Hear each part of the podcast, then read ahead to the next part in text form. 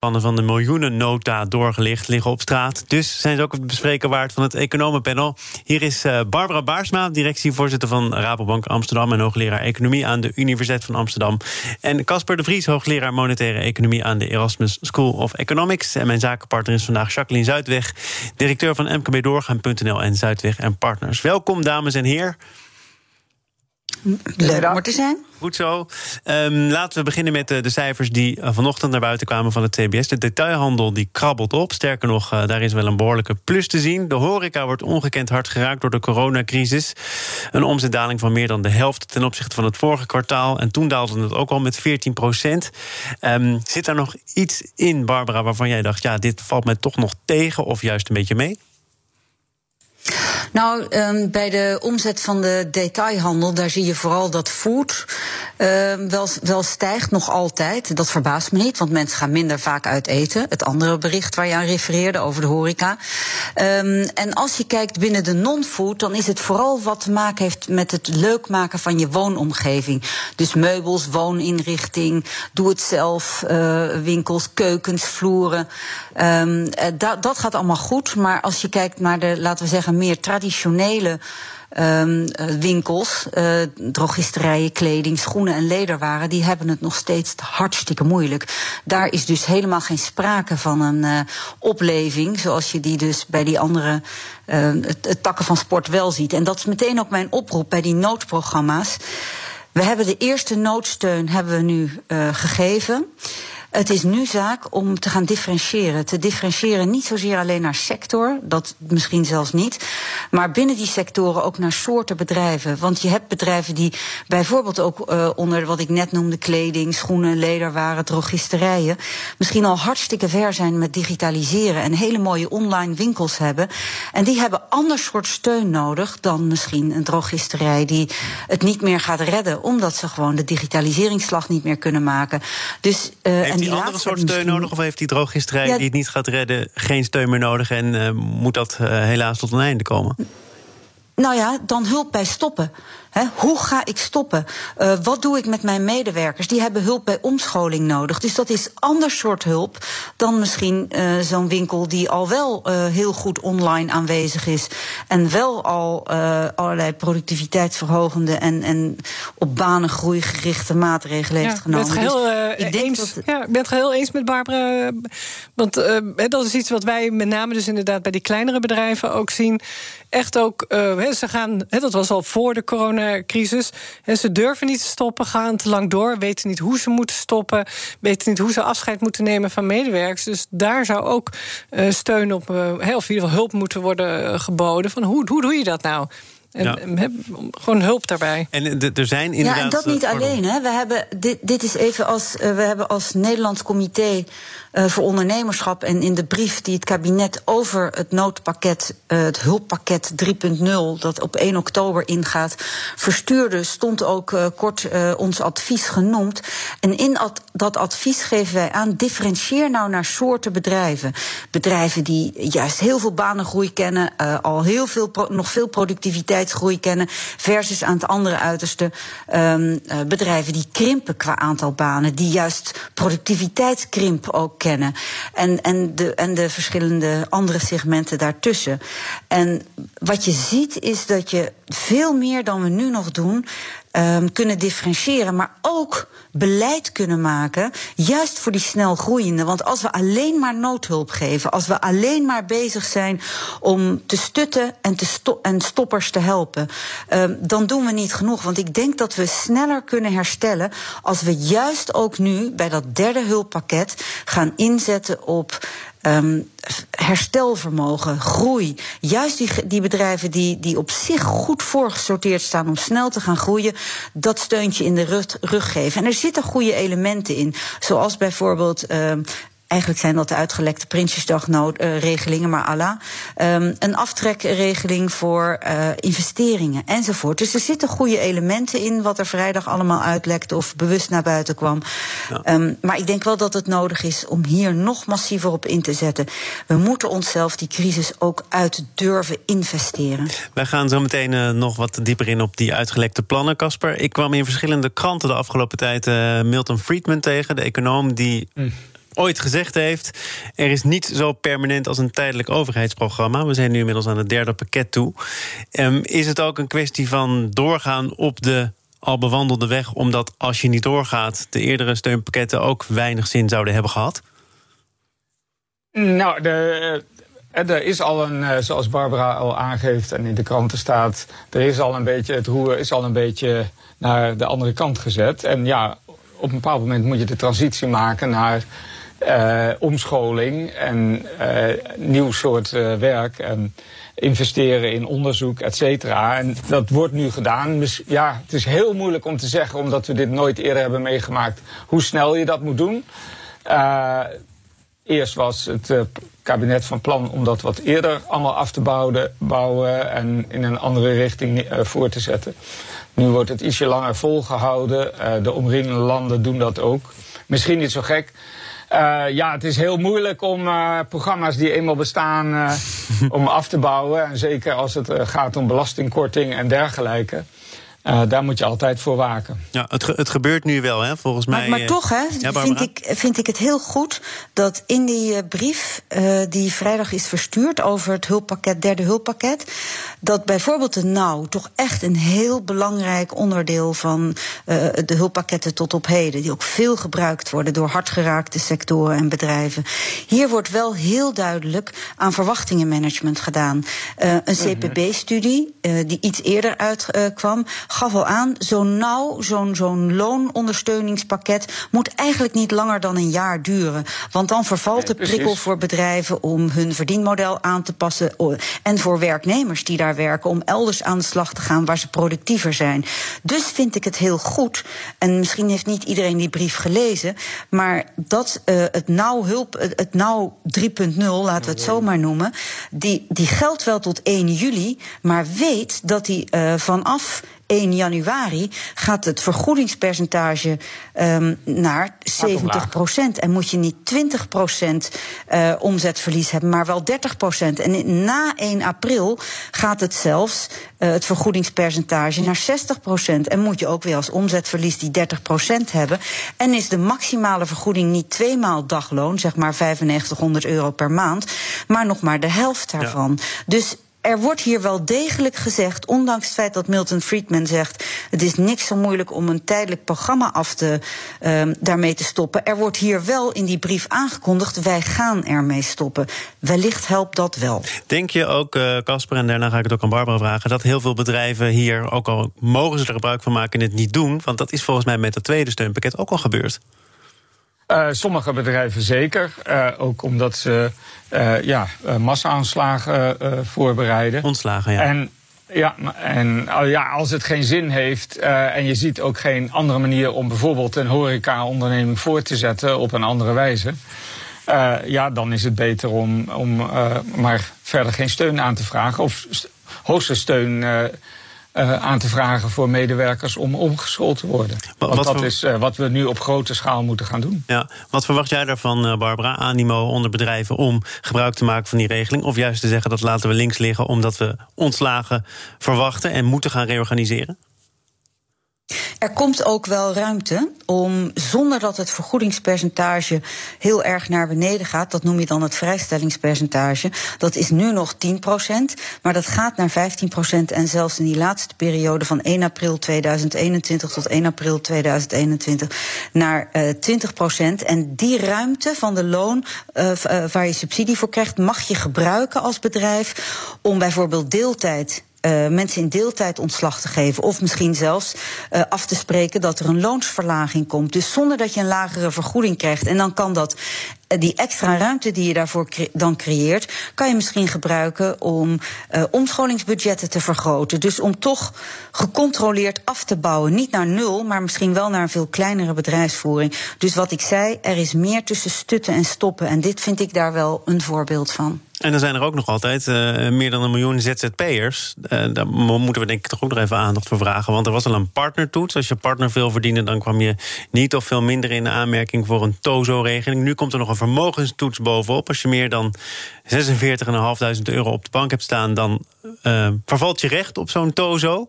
Uh, dat zijn, uh, als je de kritieken ook hoort, en ik kan dat uit eigen ervaring wel bevestigen, natuurlijk vermogens die zijn opgebouwd omdat je geen pensioen hebt of omdat je toch niet of nauwelijks tegen arbeidsongeschiktheid bent verzekerd. Is dat dan wel een redelijk criterium, Casper? daar zijn zeker vragen bij te stellen, zoals je het uh, neerzet. dit is een heel particulier belang, maar met mij dat belang van meer dan een miljoen ZZP'ers. Uh, nou ja, dus in ieder geval pensioenen, dat, dat zou je apart moeten kunnen zetten, zodat er ook niet aangekomen kan worden. En dat, uh, dat kunnen ZZP'ers wel. Uh, in sommige gevallen, dat, dat is een probleem. Maar als je net als wij werknemers in vaste dienst niet aan je pensioen zou kunnen komen. Of als, als ZZP'er heb je dat bij een verzekeraar ondergebracht. Ja, dan, ja, dan is het eigenlijk afgeschermd. Uh, maar als het gewoon in de BV zit, ja, dan uh, is het voor uh, bijzondere tijden ook mogelijk om. Nou, bij de ZZP'er zal, zal dat dan niet, want anders kom je ook niet in aanmerking voor de TOZO. Dus het zal waarschijnlijk niet in een BV zitten, denk ik, dat geld. Maar het is natuurlijk wel zo dat als je het op je spaarrekening hebt, hebt staan, ja, dan kom je niet meer aan aanmerking voor de TOZO. Maar heb je het belegd, ja, dan wordt het wel gezien als, als pensioen. Dus dat is natuurlijk een beetje meten met twee maten. Maar uh, wat ik zelf hoor bij, uh, bij gemeentes is dat degene. Er is heel veel minder uh, TOZO 2 aangevraagd. Mm -hmm. Dat dat niet zo heel veel zal uitmaken bij de aanvraag van TOZO 3. Dus uh, dat het, de verwachting is dat, uh, dat er wel minder nog een keer aangevraagd zal worden, maar niet om deze regel. We gaan uh, door met. En weet ook hè, ja, dat sorry, vanaf, ja? vanaf 1 januari dan de, de, de TOZO die loopt niet door tot 1 juli, zoals die nauwregeling bijvoorbeeld wel. Want die stopt eigenlijk op 31 december 2020. En dan gaat die over in een nieuw regime. dan is het geen inkomensoverbrugging meer, maar dan wordt er gezegd gemeenten en andere instellingen die die TOZO uitvoeren. Ga nou eens met de zelfstandige kijken en kijk eens wat die zelfstandige nodig heeft. Is dat een coaching? Is dat een omscholingstraject? Dus dan is er wel hulp, maar dan is het echt op maat gemaakte hulp. Dus die TOZO is sowieso echt iets anders, eh, een ander regime en een andere volgorde uh, der zaken dan uh, de nauw. Zaken doen. Het economenpanel is aan het woord. Barbara Baarsma, directievoorzitter van de Rabobank in Amsterdam... en hoogleraar economie aan de Universiteit van Amsterdam. Casper de Vries, hoogleraar monetaire economie... verbonden aan de Erasmus School of Economics. En mijn zakenpartner van vandaag, Jacqueline Zuidweg. En ik wil het graag met jullie hebben over de miljoenennota... want er ligt al het nodige op straat. Uh, en Casper, het ging uh, over heel veel zaken wel... maar wat minder over koopkrachtplaatjes. Vond je dat wel een keertje verfrissend? Uh, ja, dat uh, rekenen op de anderhalve millimeter, dat heeft geen enkele zin. Dan, daar moeten we vanaf in Nederland. En als we dat nu kunnen doen, is dat eigenlijk wel goed. Nou, wat zijn de je zaken? Hebt een algemeen, uh, je hebt een algemeen vangnet en dat, dat moet goed in elkaar steken. Ja, en daarna moet je toch een beetje ophouden. Want dat, door dat millimeter krijgen we ook allemaal aparte regelingen. Uh, en die maken dus ook weer heel veel lastiger voor de overheid om het allemaal uit te voeren. Dat zien we nu uh, bij de kinderbij, uh, of de hulp voor de, de, kinderdagverblijven, et cetera. Dus dat gaat maar zo door. Daar kunnen we niet mee door blijven gaan. Wat zijn de zaken die je er wel graag uit zou willen lichten? Wat valt je op als je naar die plannen kijkt? Nou, eigenlijk, dus zoals we daarnet ook al bespraken, er wordt heel, heel goed uh, steun gegeven aan het bedrijfsleven uh, om te zorgen dat uh, de Nederlandse economie toch door kan blijven gaan. En dat, dat is het belangrijkste element uit die hele begroting. Um, ja, en ik zag toch ook nog, misschien heeft dat te maken met het feit dat er verkiezingen aankomen, dat er alsnog ruimte is gevonden voor een kleine verlaging van de inkomstenbelasting, verhoging van de fiscale korting voor werkenden. Barbara, is dat, is dat te verklaren dat dat ook in deze plan is opgenomen? Nou, dat is overigens primair wel vanuit uh, dat koopkrachtplaatjes ja, uh, uh, Sorry dat ik het even zo noem. Maar um, dat heeft te maken namelijk dat de zelfstandige aftrekken extra omlaag gaat. Het zou in 2028 op 5000 euro staan, maar gaat nu naar 3200. En om dat op een manier te doen dat de koopkracht van de ZZP'ers niet wordt aangetast, is het niet alleen de arbeidskorting iets verhoogd, maar wordt ook het lage tarief van de IB wat verlaagd van 37,1% naar 36,9%. En dat is ook weer in het voordeel van werknemers. Ik mag toch hopen dat jij dat allemaal voor je hebt liggen en dat je dat niet zo uit je blote hoofd doet, of, of wel? Nou, dit soort dingen, dit zijn gewoon die, die dingen die krijg ik standaard. Nee, nee, oh. die onthoud ik wel. Okay. Wat ik heel goed vind, uh, is dat uh, er heel goed is gekeken. Dat men voortschrijdend inzicht heeft willen, uh, willen laten zien. Dat men niet zoiets had van. Goh, we hebben gezegd dat dat hoge tarief van de vennootschapsbelasting, de winstbelasting, van 25% naar 21,7% moet. Nee, wij gaan nu dat aanpassen, want we zien dat dit echt een MKB-crisis is en niet een grootbedrijfcrisis. Uh, dus wij gaan niet dat hoge tarief verlagen, maar we gaan het lage tarief wat verder verlagen van 16,5 naar 15 procent. En we gaan die eerste schijf, zeg maar, waarover je winstbelasting betaalt, verlengen van 200.000 naar 400.000. En dat, dat, wat daarachter zit, wij zijn, staan open voor voortschrijdend inzicht. Dat vind ik een heel mooi signaal. Daar komt ook uit voort die baangerelateerde investeringskorting. Hè. Dat is zeg maar op RD heb je een subsidie, de WBSO. Dat kun je dan aftrekken van de loonbelasting. Nou, bedrijven die investeren, ook grootbedrijven overigens, waarmee iets kan worden teruggewonnen van die niet doorgaan van de verlaging van de winstbelasting, die kunnen door te investeren toch um, uh, voordelen behalen. Nou, ik vind dat heel mooi dat dat voortschrijdend inzicht bij de bedrijven er is. Als ik nou toch even kritisch mag zijn. Ja, dat voortschrijdend inzicht over uh, bedrijven bij de overheid. Sorry, je hebt helemaal gelijk, Casper. Um, maar er zijn twee dingetjes die ik, wat, die ik jammer vind. De eerste is dat bij de hypotheekaftrek uh, zou, was lang sprake van uh, wat sneller worden afgebouwd. Onder andere omdat we dan meer coronasteun uit Brussel konden krijgen. Dat gaat niet door en dat vind ik jammer. Want uh, daar kunnen we echt wel onze institutie, de woningmarkt, beter laten werken.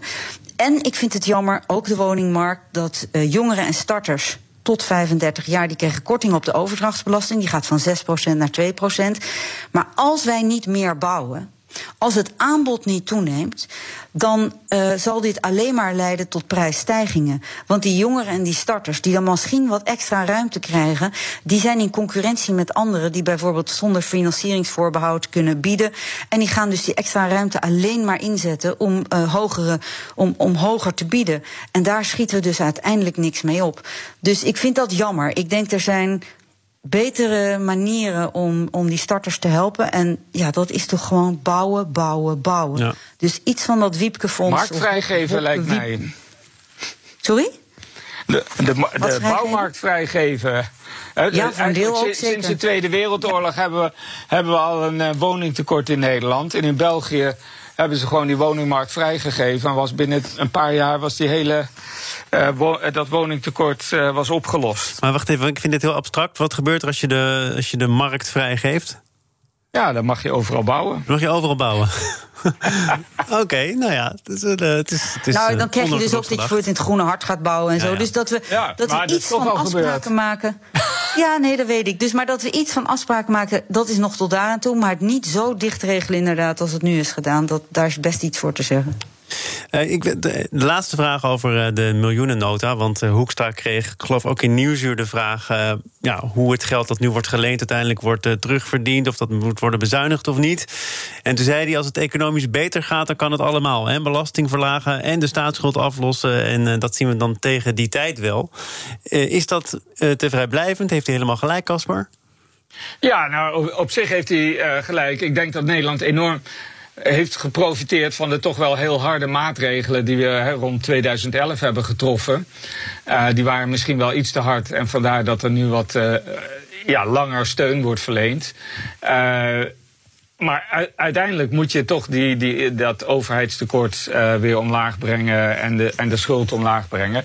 Want dan heb je een appeltje voor de dorst. En dat zien we nu. Nederland kan heel makkelijk uh, dingen doen. En uh, zuidelijke landen die dat soort zaken helemaal niet hebben gedaan, ja, die, die hebben het nu moeilijk en moeten nu in feite hun handje ophouden. Kasper, ik wil jou ook plezieren met het laatste onderwerp. Ik kan me zo voorstellen dat dat een jaarlijks feestje is voor mensen die houden van de monetaire economie, namelijk Jackson Hole. Daar heeft de Fed-baas Jerome Powell het een en ander gezegd over nieuw beleid. En eh, heel, heel kort samengevat: de inflatie mag in goede tijden boven de 2% uitkomen. Om de slechte tijden dan te compenseren. Heeft ook gevolgen voor de rente, voor de financiële markten misschien, of juist wel helemaal niet. Ja, wat, wat maak jij ervan? Nou, ten eerste, dit past in het plaatje van ja, wat ze noemen forward guidance. dus we, als dit, uh, gaan we dat doen. En uh, dit draagt daar nog ook eens uh, aan, bij dat die rente nog langer. de verwachting dat de rente laag blijft, die wordt eigenlijk nog verlengd.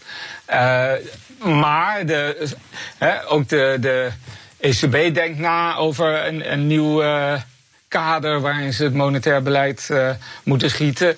Um, ja, als de centrale banken zo lang uh, blijven uh, met, die, uh, met die lage rente, ja, dan krijg je een soort bubbel die nu al enorm is op de aandelenmarkten. En uiteindelijk zal dat leiden tot een grote crash. Ja, nou, voordat we daar zijn, hebben we nog twee minuten om het een en ander toe te lichten. Want is dit nog wel nieuw beleid? Ik zag uh, Roelof Salomons, ook lid van dit economenpanel, in het FD zeggen dat het er vooral op neerkwam: gewoon harder je best doen, gratis geld tot in de eeuwigheid.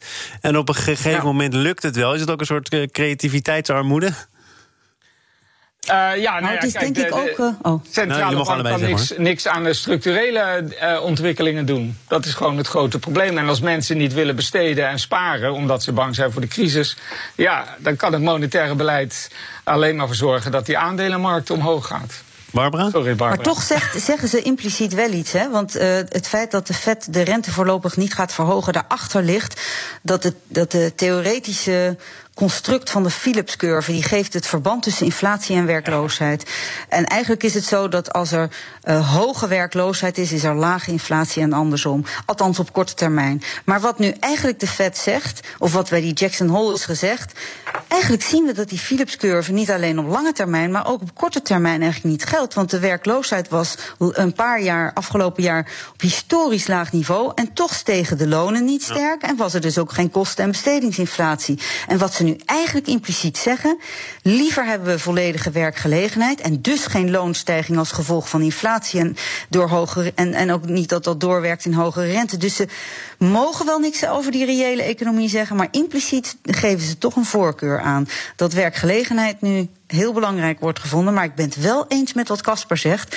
Als je die, um, er is wel echt een gevaar van luchtbellen in uh, aandelenkoersen en allerlei andere waardepapieren. En daar moeten we ons wel daar moeten we echt wel rekening mee houden. En zo blijft er ook in de toekomst altijd weer voldoende om te bespreken met het economenpanel. Barbara Baarsma uh, en Casper de Vries vormden dat deze week en mijn zakenpartner Jacqueline Zuidweg. Dankjewel, fijn dat je er was. Graag gedaan weer. Morgen dan ben ik er ook weer samen met Dick Benschop, topman van de Schiphol Group. Hij zag het overvolle verkeersknooppunt in Amsterdam veranderen in een spookluchthaven. En het zal wel even duren voordat de historische niveaus weer zijn bereikt. 2023 is genoemd, 2025 is genoemd. Waar we uh, precies op uitkomen, dat hoor je morgen in BNR Zaken doen. Zometeen eerst uh, Nieuwsroom. Dat is onze dagelijkse podcast van het FD en BNR, gepresenteerd door Mark Beekhuis. Veel plezier, tot morgen.